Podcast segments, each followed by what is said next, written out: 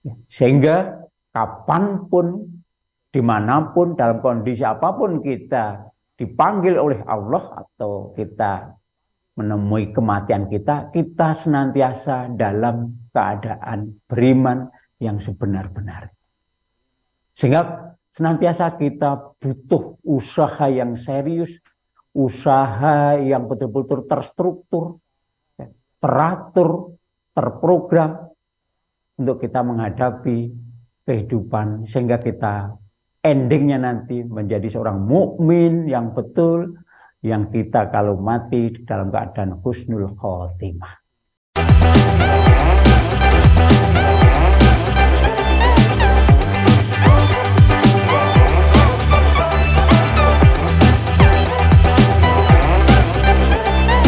Bismillahirrahmanirrahim. Assalamualaikum warahmatullahi wabarakatuh.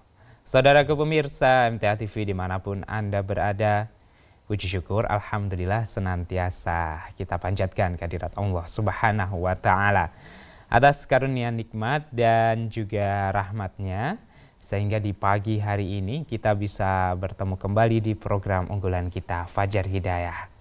Pemirsa di mana pun Anda berada, sebelum kita memulai aktivitas rutinitas kita, mari kita manfaatkan waktu selepas kita melaksanakan sholat subuh berjamaah. Mari kita gunakan untuk senantiasa belajar. Utamanya di kesempatan kali ini dalam program Fajar Hidayah, kita akan belajar bersama dengan beliau Ustadz Dr. Andes Emut Khairi MSI. Dan Alhamdulillah hari ini pemirsa kita sudah terhubung dengan beliau melalui aplikasi meeting online. Langsung saja kita sabah. Assalamualaikum warahmatullahi wabarakatuh. Waalaikumsalam warahmatullahi wabarakatuh. Ya, Ustadz, bagaimana kabar hari ini? Alhamdulillah Mas Fakir, ya. teman-teman di studio. Alhamdulillah Ustadz, kami senantiasa diberikan kesehatan ini ya. Baik, dan semoga hari ini pemirsa di rumah juga dalam keadaan sehat ya Ustadz ya. Sehingga dalam menjalankan aktivitas serta nanti untuk beribadahnya bisa optimal. Dan ya. di kesempatan kali ini tema yang akan disampaikan tentang tahun baru, hidup baru, meraih sukses hidup melalui manajemen Islami ya Ustaz ya? Iya. Ya. Baik pemirsa, sebelum nanti kita akan dengarkan mukodimah dari Ustadz terkait dengan tema hari ini, kami sampaikan untuk yang ingin bertanya, pemirsa, bisa disampaikan melalui pesan WhatsApp dan SMS di 0811 atau nanti para pemirsa bisa bertanya secara langsung kepada Ustadz dengan menelpon kami di 0271 679 Baik Ustadz, untuk mengawali kita dengarkan terlebih dahulu dan penjelasan dari Ustadz terkait dengan tema pada kesempatan kali ini. Silahkan Ustadz. Assalamualaikum warahmatullahi wabarakatuh. Waalaikumsalam warahmatullahi Alhamdulillahirabbil alamin wa bihi nasta'inu ala umuri dunya waddin. Asyhadu an la ilaha illallah wa asyhadu anna Muhammadan abduhu wa rasuluh. Allahumma sholli ala Muhammad wa ala alihi wa ashabihi wa man walahama ba'd. Qala Allah Ta'ala fil Qur'anul Karim, A'udzu billahi minasyaitonir rajim. Ya ayyuhalladzina amanu taqullaha wabtaghu ilaihil wasilah wajahidu fi sabilihi la'allakum tuflihun. Kala Nabi sallallahu alaihi wasallam khairukum man ta'alamal Qur'ana wa 'alama. Bapak Ibu dan saudara sekalian, pemirsa dan pecinta program Pajar Hidayah TV MTA channel terpilih yang insya Allah dimuliakan Allah.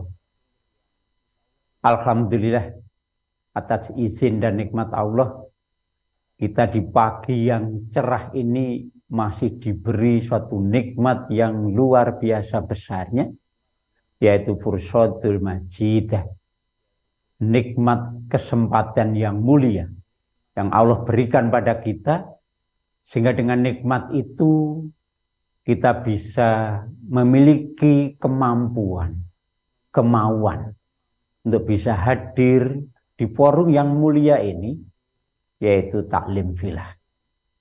Maka terhadap nikmat yang besar ini mari kita syukuri dengan jalan memanfaatkan semaksimal mungkin untuk kita mengkaji bersama dinullah ini baik itu keilmuan maupun pengalaman terhadap pengamalan agama kita. Sehingga mudah-mudahan nanti dengan kajian pada pagi hari ini kemudian kita bisa pahami bisa yakini kemudian kita jadikan sebagai perilaku akhlak karakter sampai pada kepribadian kita.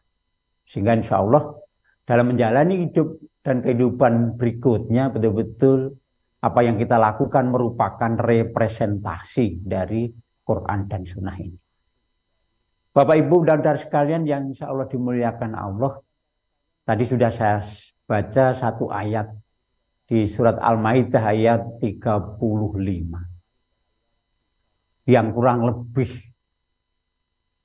dari artinya atau maknanya bagaimana kita senantiasa mencari, membuat, ya, mengkreasi dalam waktu hidup kita momen suatu wasilah untuk kita bisa senantiasa memperkuat, meningkatkan penghambaan kita pada Allah dalam bentuk ibadah, dalam bentuk amal soleh.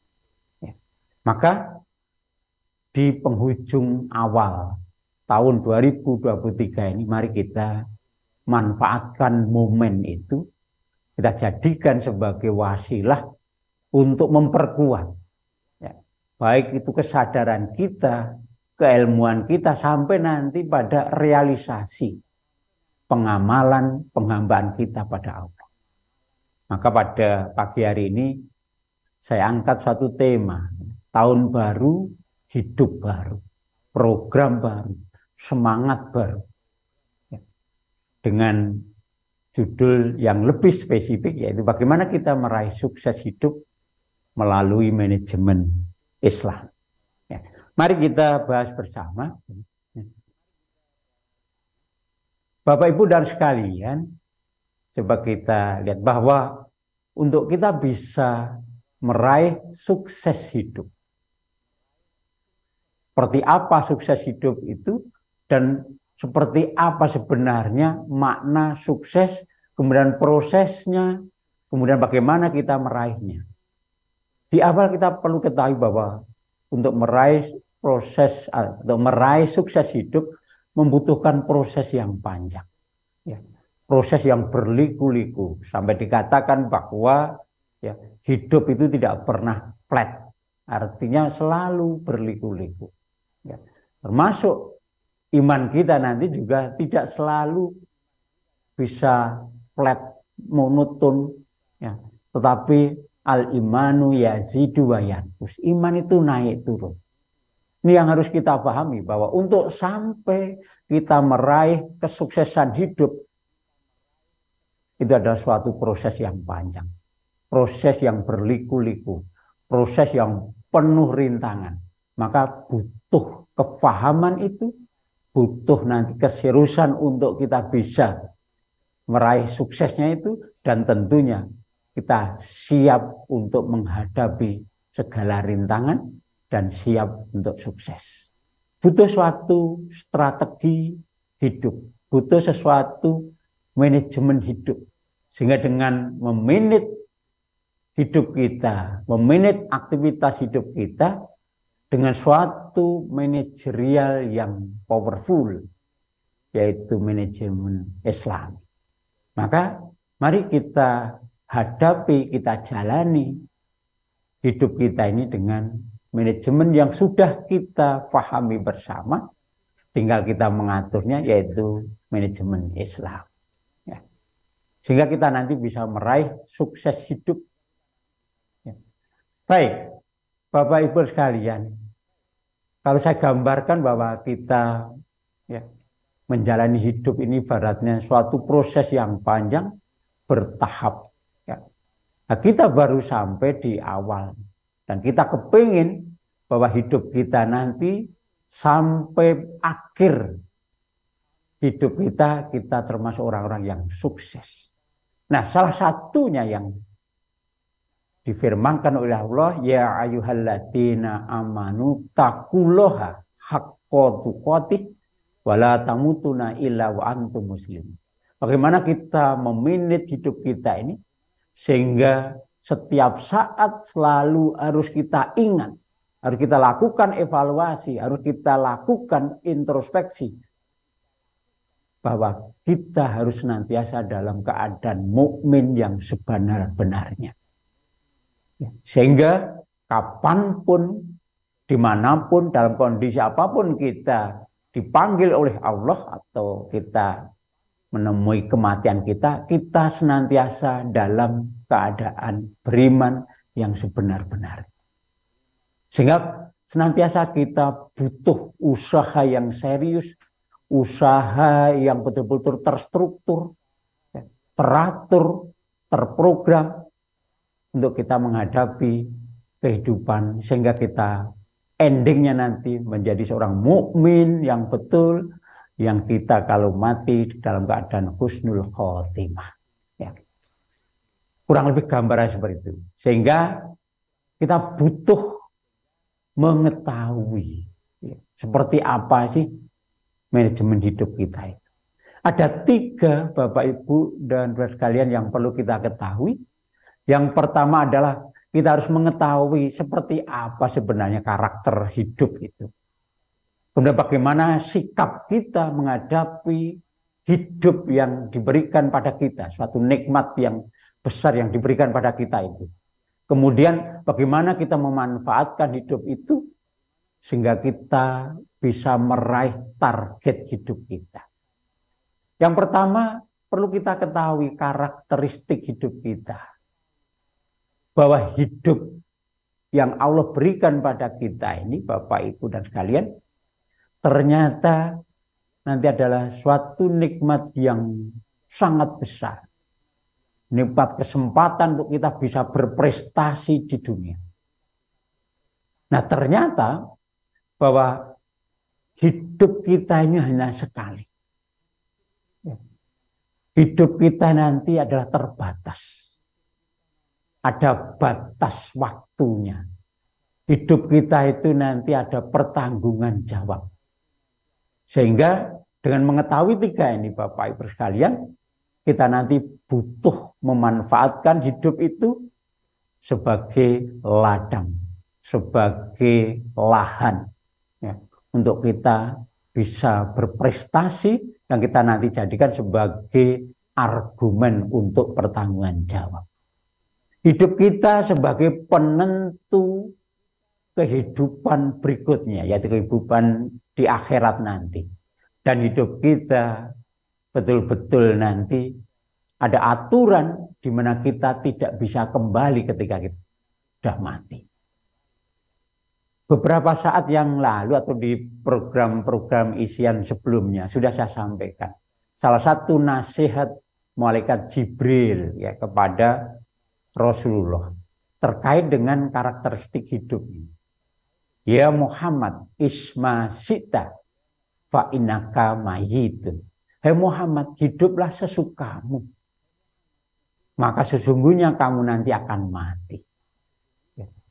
Wa'mal masyita fa innaka majziyun bih. Wah bib man syita fa innaka mufariku. Hai Muhammad, bekerjalah, berbuatlah, beramallah dalam hidupmu sesukamu. Maka ketahuilah bahwa kamu nanti akan dibalasi. Kamu nanti akan dimintai pertanggungan jawab. Dan cintailah siapa pun yang kamu cintai, tapi ketahuilah kamu nanti akan berpisah. Ya. Maka dengan mengetahui karakteristik hidup ini, maka kita harus memanage hidup ini sehingga nanti kita selamat dalam hidup ini dan kita termasuk orang yang sukses. Nah, bagaimana sikap yang betul? Sikap yang betul ya mensikapi bahwa nikmat hidup ini sebagai nikmat yang luar biasa yang hanya sekali, yang nanti menentukan yang terbatas waktunya. Sehingga dengan seperti itu, ya kita langsung memanfaatkan bahwa hidup ini harus kita jadikan sebagai ladang lahan untuk kita bisa berprestasi, untuk kita bisa beramal baik yang nanti kita gunakan sebagai sarana atau media atau wasilah untuk mempertanggungjawabkan hidup kita. Perlu diketahui bahwa pertanggungan jawab hidup kita di akhirat nanti ada empat dalam salah satu hadis ini. Bahwa tidaklah bergeser kaki seorang hamba di yaumil kiamat nanti sehingga ditanya empat hal. An umrihi fima afnahu. Yaitu tentang umurnya digunakan untuk apa tentang jasadnya digunakan untuk apa, tentang ilmunya diajarkan untuk apa atau diamalkan untuk apa. Wan am malihi ainak tasabahu wa fima anfaqahu. Terhadap nikmat harta ada dua pertanyaan yang harus dipertanggungjawabkan. Dari mana diperoleh dan ke mana dibelanjakan. Sehingga Bapak, Ibu dan sekalian, kita nanti memiliki target hidup untuk bisa mempertanggungjawabkan semua ya amanat yang kita terima di akhirat nanti dan kita termasuk orang-orang yang sukses. Seperti apa target hidup kita? Target hidup kita adalah meraih al-hasanah. Sebagaimana yang kita doakan bersama Rabbana atina fid dunya hasanah wa fil akhirati hasanah wakina ada benar. Dua kebaikan yang harus kita raih, baik kebaikan di dunia maupun kebaikan di akhirat. Kita harus sukses di dunia. Kita harus senantiasa memperoleh kesuksesan dunia. Dalam bentuk apa? Yaitu kita senantiasa meraih kondisi di mana kita selalu benar. Ala ridallah, ala hudallah. Dan senantiasa dalam bimbingan Allah. Dalam petunjuk Allah.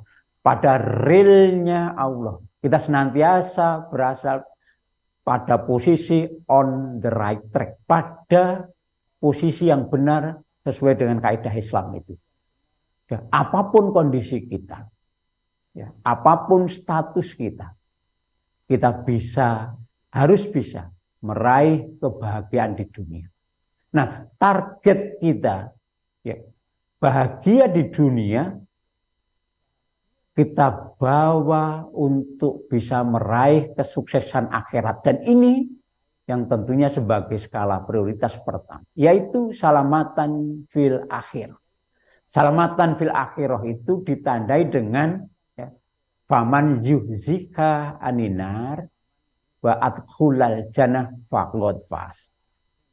Di surat Al Imran 185 itu ya sukses akhirat, selamat di akhirat itu manakala seseorang itu dihindarkan dari azab neraka dan dimasukkan ke dalam surga. Maka orang yang dimasukkan surga, dihindarkan dari neraka, termasuk orang-orang yang sukses dalam hidupnya. Orang yang beruntung, orang yang memperoleh kemenangan. Maka Bapak Ibu sekalian, inilah target utama kita dalam hidup ini sehingga bagaimana kita bisa membawakan ya, memperagakan kehidupan kita di dunia ini sehingga kita bisa meraih kebahagiaan di dunia dan juga nanti kita gunakan untuk meraih kesuksesan di akhirat. Ya. Maka kita jadikan nanti dunia ini sebagai ladang akhirat. Ad-dunya masro'atul akhir. Dengan dengan apa? Dengan jalan ilmu yang harus kita ketahui. Untuk bisa meminit aktivitas hidup kita yang kita siapkan juga secara paralel untuk bisa meraih kesuksesan akhirat kita butuh namanya ilmu. Nah, dengan ilmu ini kemudian nanti kita betul-betul memahami apa itu makna hidup, apa itu target hidup dan bagaimana kita bisa meraihnya. Maka dibutuhkan salah satu manajemen aktivitas untuk kita bisa memanage aktivitas dalam hidup kita di dunia ini yang kita persiapkan betul-betul untuk mendukung, untuk mensupport tercapainya kesuksesan hidup di akhirat, yaitu manajemen al-Islam. Ya.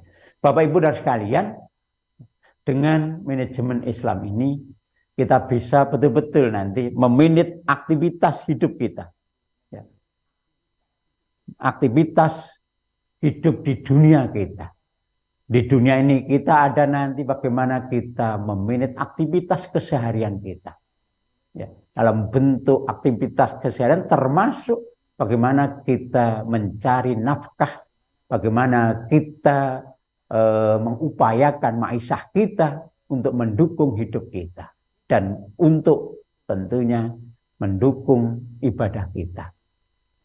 Nah, kehidupan kita harus kita senantiasa arahkan untuk sukses akhirat dalam bentuk ibadah, dalam bentuk amal soleh, ya, dalam bentuk aktivitas sabilillah dan hanya karena Allah saja.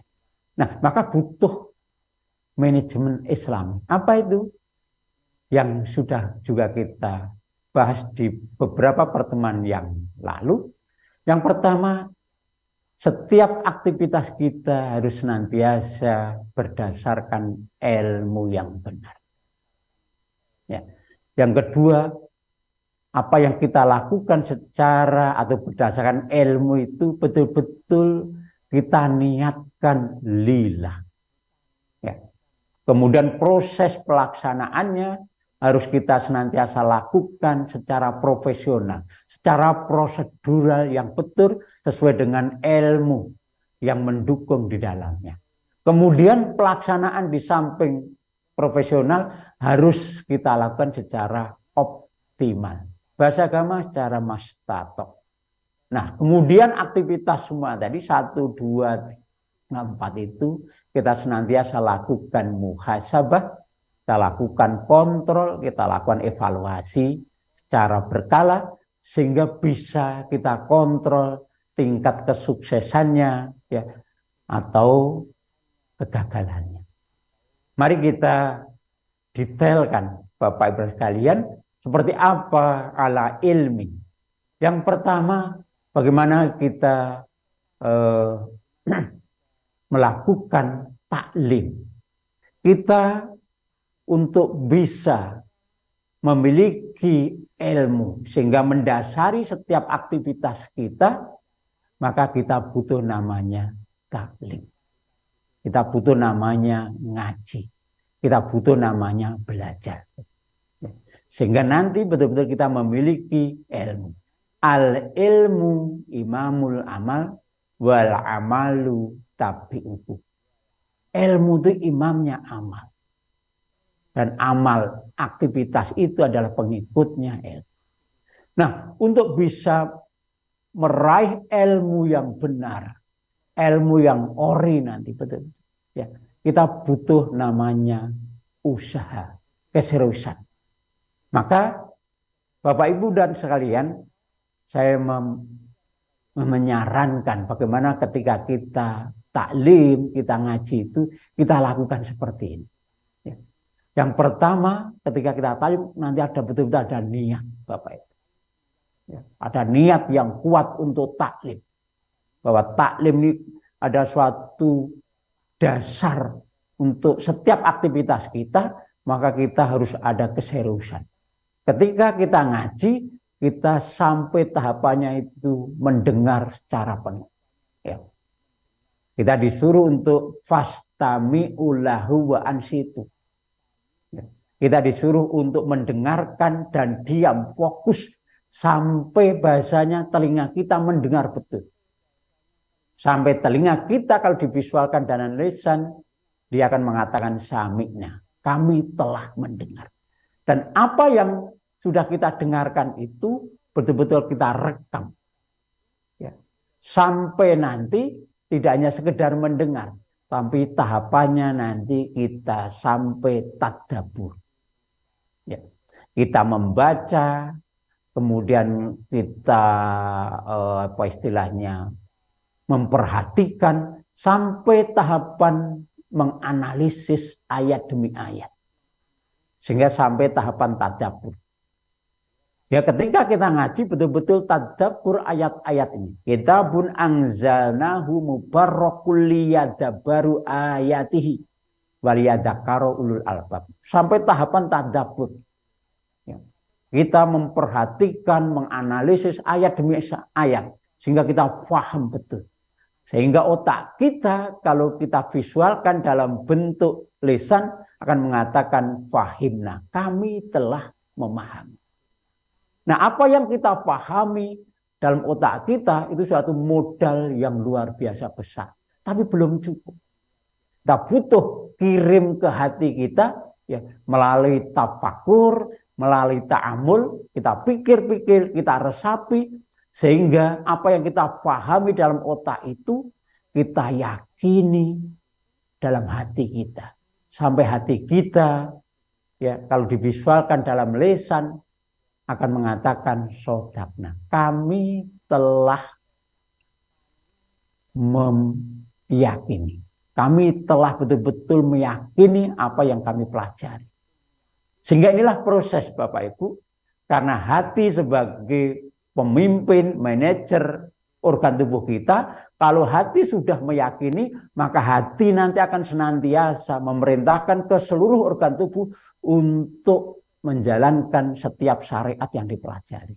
Sehingga muncullah ya perintah yang harus kita sikapi secara benar, sami'na wa Setiap apa yang kita pelajari merupakan dawuh Allah atau Rasul hendaklah kita senantiasa kami mendengar dan langsung kami taat.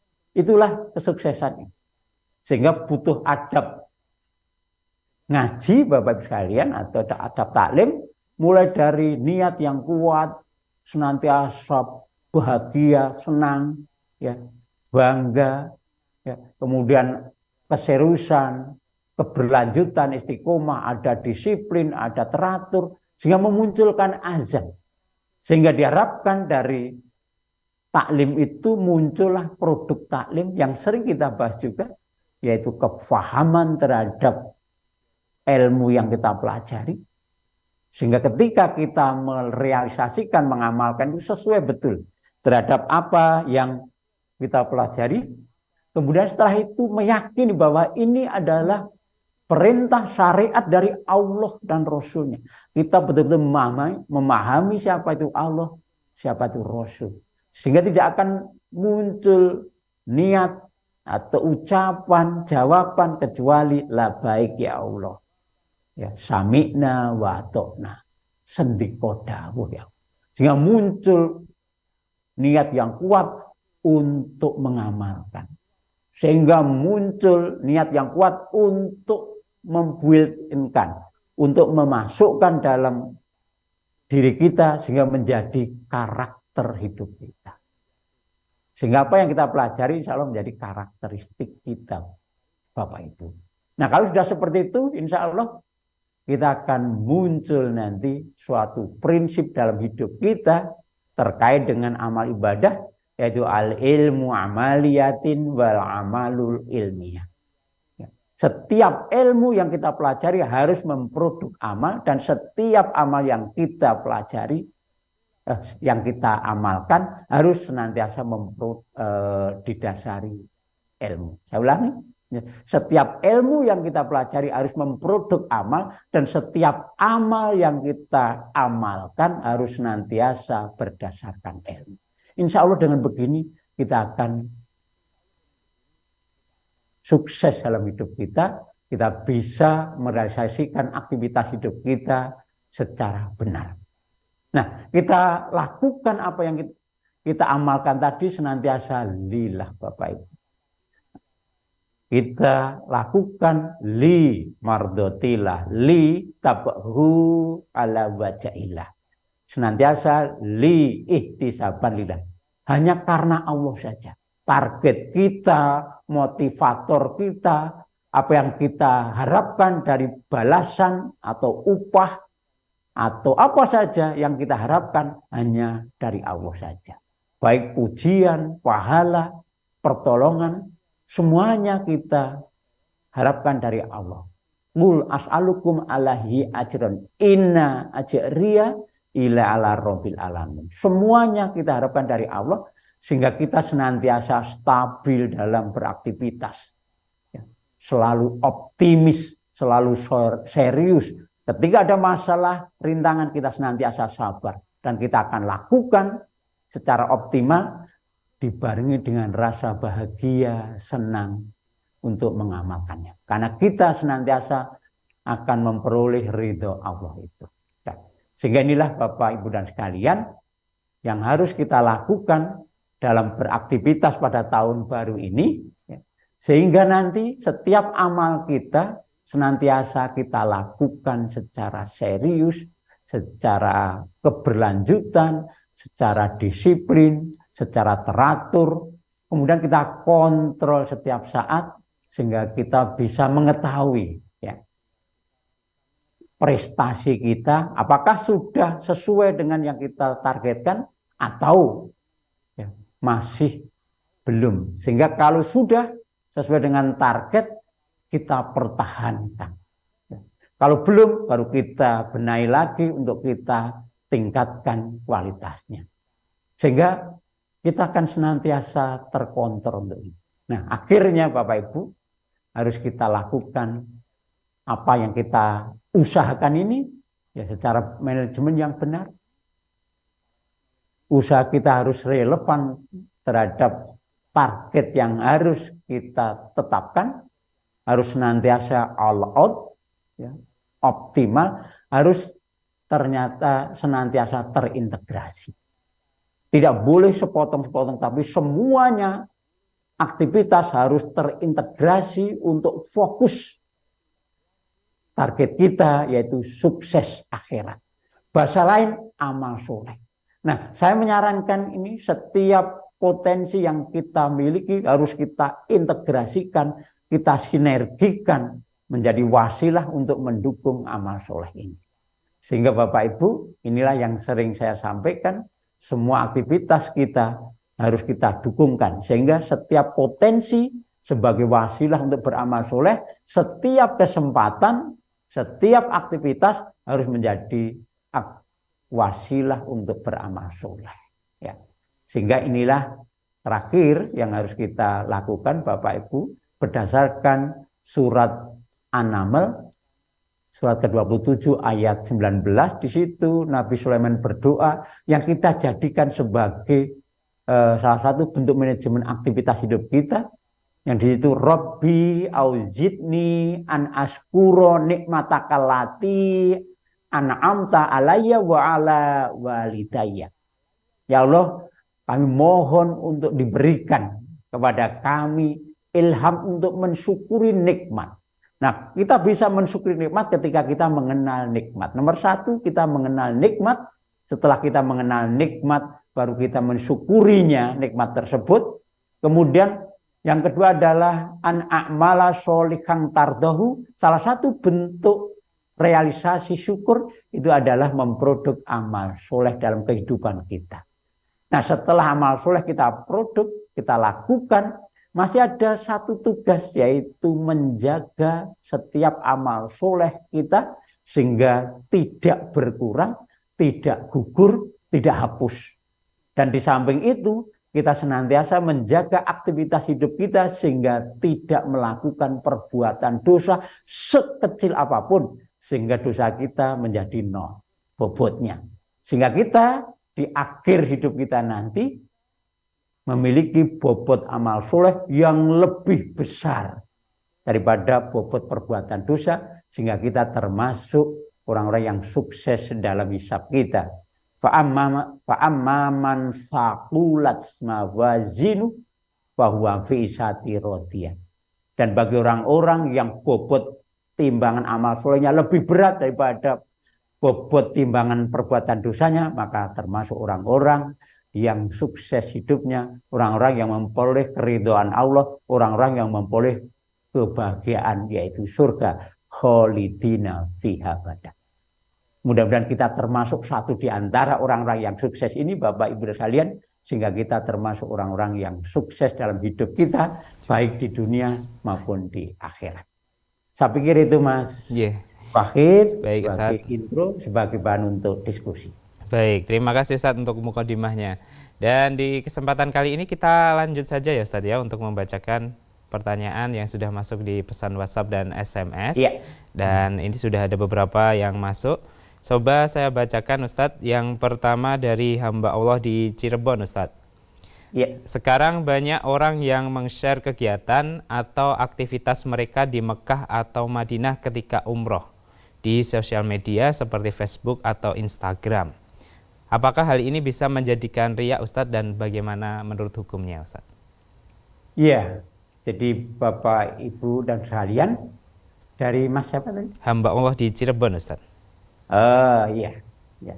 Saudara kami di Cirebon ya, bahwa salah satu syarat amal sukses kita itu ya tadi sudah saya sampaikan yang pertama adalah berdasarkan ilmu yang kedua adalah kholison wabatuhiyalah niat kita ikhlas karena Allah ya. Kemudian ketika prosesinya nanti betul-betul kita laksanakan secara sungguh-sungguh, mujahadah, secara istiqomah, secara disiplin, secara prosedural. Ya. Sehingga kita ketika mengamalkan itu adalah an a'mala solihan tardahu tadi. Ya. Kemudian setelah itu masih ada tugas. Yaitu kita disuruh untuk menjaganya. Ya ayuhalladzina amanu ati'ullaha wa ati'ur rasulah wala tubtilu a'malakum. Surat ke-47 ayat 33. Hai orang-orang yang beriman, taatlah pada Allah, taatlah pada Rasul. Wala tubtilu a'malakum dan janganlah kamu membatalkan, janganlah kamu menggugurkan, ya, janganlah kamu ya, menghapus amal-amal soleh kamu.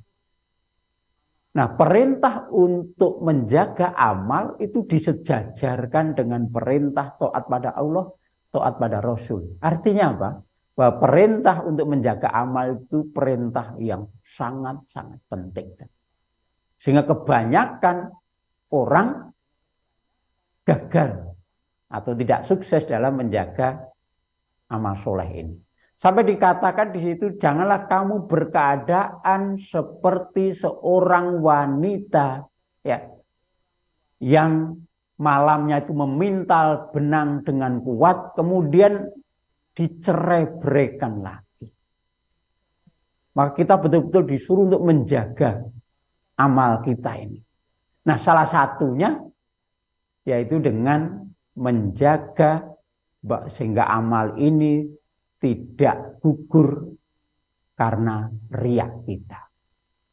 Ingat, ya, salah satu ciri riak itu, ya, seseorang itu dikatakan bahwa seseorang dalam beramal itu masuk kategori riak manakala dia serius ketika dia bersama manusia dia itu kemudian loyo, futur, tidak semangat ketika sendirian. Dan setiap aktivitasnya senantiasa mengharapkan pujian dari manusia. Maka riak itu adalah suatu perbuatan ketika beramal seseorang kemudian memohon pahala, pujian, balasan itu dari manusia. Sehingga dikatakan bahwa ini adalah mensekutukan Allah dengan manusia. Maka riak dikatakan silkur aswar. Itu riak dikatakan sebagai sirik kecil. Nah, salah satu bentuknya seperti apa? Salah satu bentuknya adalah meniatkan aktivitasnya itu untuk memperoleh pujian manusia. Kita tidak bisa bahasanya langsung memfonis bahwa seseorang yang kemudian men-share aktivitas ibadahnya salah satu ibadah hajinya ke sosial media. Kita tidak memang tidak bisa langsung mengfonis, mengklaim bahwa itu pasti riak tidak. Tergantung niat sebenarnya di dalamnya. Itu sebenarnya niat yang dicanangkan dalam men-share itu apa. Kalau niatnya memang untuk show off, ya untuk memamerkan bahwa saya di sini dan seterusnya, ada unsur di situ untuk mengharapkan pujian dari manusia, ya muncul di situ ria. Nah, gitu. Nah, ada seseorang, sahabat bertanya kepada Rasulullah, ya Rasulullah, bagaimana menurut pendapatmu? Kalau seseorang itu di situ beramal, konteksnya di situ adalah perang, dia di mengharapkan ya tamisu fihil ajron wa dzikron dia mengharapkan pahala dari Allah dan pujian dari manusia. Malah apa yang diperoleh orang itu ketika beramal mengharapkan sekaligus dari Allah dan juga mengharapkan pujian dari manusia. Rasul menjawab la syai'un lah, tidak dapat apa-apa. Sampai tiga kali. Rasulullah senantiasa menjawab seperti itu. Baru kemudian pertanyaan yang ketiga itu Rasulullah jawab la syai'un lah. Baru kemudian Rasulullah jawab sesungguhnya Allah tidak menerima suatu amal sehingga amal itu ya dilakukan secara kholisan wa batuhiyalah. Ikhlas dan hanya mengharapkan ridho Allah. Maka ini Bapak Ibu sekalian ya, bentuknya adalah kehati-hatian kita kalau kita misalkan e, ibadah umroh atau haji, ketika kita berangkat betul-betul kita pahami, ya kemudian kita pegang erat ketika di sana bahwa di sana itu kita ibadah. Setiap aktivitas yang nanti menjadikan kita itu muncul ria, ya, maka kita hindari semaksimalnya. Ya, kita hindari semaksimalnya. Sehingga nanti kita terbebas dari kemungkinan ya semua aktivitas yang menjadikan gugurnya, berkurangnya amal kita karena di situ ada perasaan ria, ada niat ria dan sebagainya dan sebagainya. Ya. Nah ada enam yang menjadikan amal itu uh, gugur Ya, nomor satu dia al istighalu bi uyubinas. Kita senantiasa mencari, cari, mendengar-dengar ada tajasus, ada tahasus, ya, mencari-cari, mendengar-dengar aib saudara kita. Ya. Kemudian cinta dunia secara berlebihan, sedikit rasa malu, kemudian hati keras. Ya, kemudian di situ ada tulul amali, panjang angan-angan. Yang terakhir adalah dolimun la yang taib. Perbuatan dolim yang tidak kita hentikan. Sehingga Bapak Ibu sekalian bagaimana kita beramal soleh, kita fokus, lillah, kemudian kita betul-betul lupakan. Sehingga itu betul-betul menjadi amal soleh. Tidak perlu kita sebut-sebut, tidak perlu kita sampaikan pada orang, dan karena kita takutnya kalau muncul riak di situ. Sehingga amal soleh kita bisa berkurang atau malah kita atau amal soleh kita jadi gugur. Sehingga kita terbebas dari kata muflis. Yaitu orang yang bangkrut. Karena seseorang ber kemudian dia juga melakukan perbuatan dosa sehingga ketika, ketika nanti ditimbang itu termasuk orang-orang yang lebih ringan amal solehnya dibanding ya amal soleh. Ya lebih ringan amal solehnya daripada nanti amal perbuatan dosa kita. Sehingga kita nanti termasuk orang yang tidak sukses maka mari kita jaga betul sehingga amal yang kita lakukan betul-betul terhindar dari perbuatan-perbuatan yang bisa mengurangi, menggugurkan sampai menghapus amal kita. Nggih, saya pikir itu Mas Wahid. Pesan WhatsApp ada pertanyaan kembali dari saudara Kurniawan Muslim Ustaz di Klaten. Nggih, nggih. Apakah ada amalan-amalan khusus yang biasanya dilakukan Rasulullah di akhir tahun menuju awal tahun ini Ustaz? Tidak ada secara khusus. Ya, Rasulullah memerintahkan ketika akhir tahun hendaklah dilakukan ini awal tahun. Tidak ada. Secara khusus. Tetapi secara umum Bapak Ibu dan sekalian bahwa Rasulullah senantiasa memerintahkan kepada kita ya, untuk menjaga setiap aktivitas kita kapan pun pada kondisi yang bagaimanapun sehingga kita senantiasa terjaga. Kalau kita pakai dawuh Rasulullah, ittaqillaha haitsu ma kunta. Bertakwalah kepada Allah di mana pun kamu berada. Dalam kondisi apa pun. Bahasa kita in all position, kita disuruh untuk senantiasa menjaga ketakwaan kita. Ini sesuai dengan perintah Allah. Di Al Imran 102 yang kita sangat familiar terhadap ayat ini. Ya ayuhalladzina amanut taqullaha wal tangdur nafsumma qaddamat lihat wattaqullah innallaha khabirum bima ta'malun. Bagaimana kita senantiasa untuk menjaga, senantiasa untuk mempersiapkan bekal. Ya. Kenapa? Untuk kita senantiasa menjaga ya ayuhalladzina amanu taqullaha haqqa tuqatih. Untuk kita bisa menjaga senantiasa bertakwa dalam takwa yang sebenar-benarnya butuh aktivitas pendukung aktivitas pendukung itu adalah aktivitas untuk mempersiapkan bekal.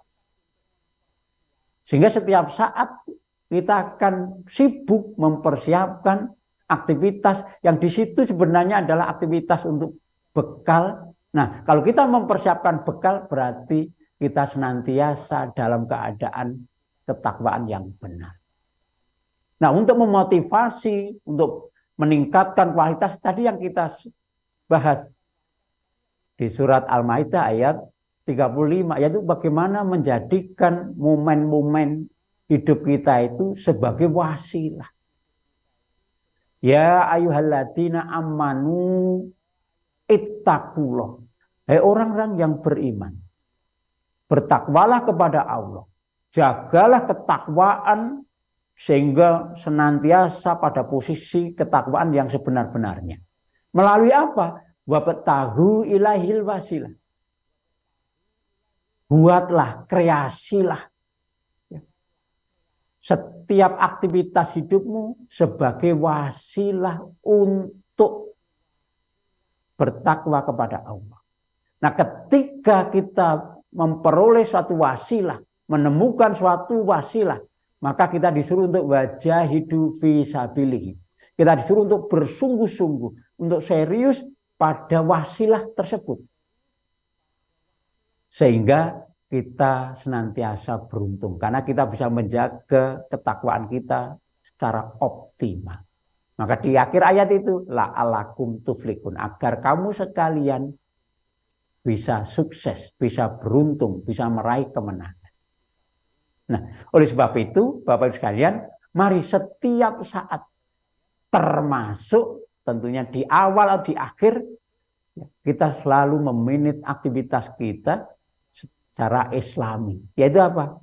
Kita senantiasa menjaga diri untuk tetap bertakwa kepada Allah dengan sebenar-benar takwa, menjadikan momen hidup waktu kita, umur kita, aktivitas kita sebagai wasilah untuk mendukung aktivitas takwa tersebut dan kita senantiasa jaga apa yang sudah kita prestasikan dalam bentuk amal soleh itu sehingga kita nanti bisa memanen di akhir hayat kita sehingga kita termasuk orang yang beruntung.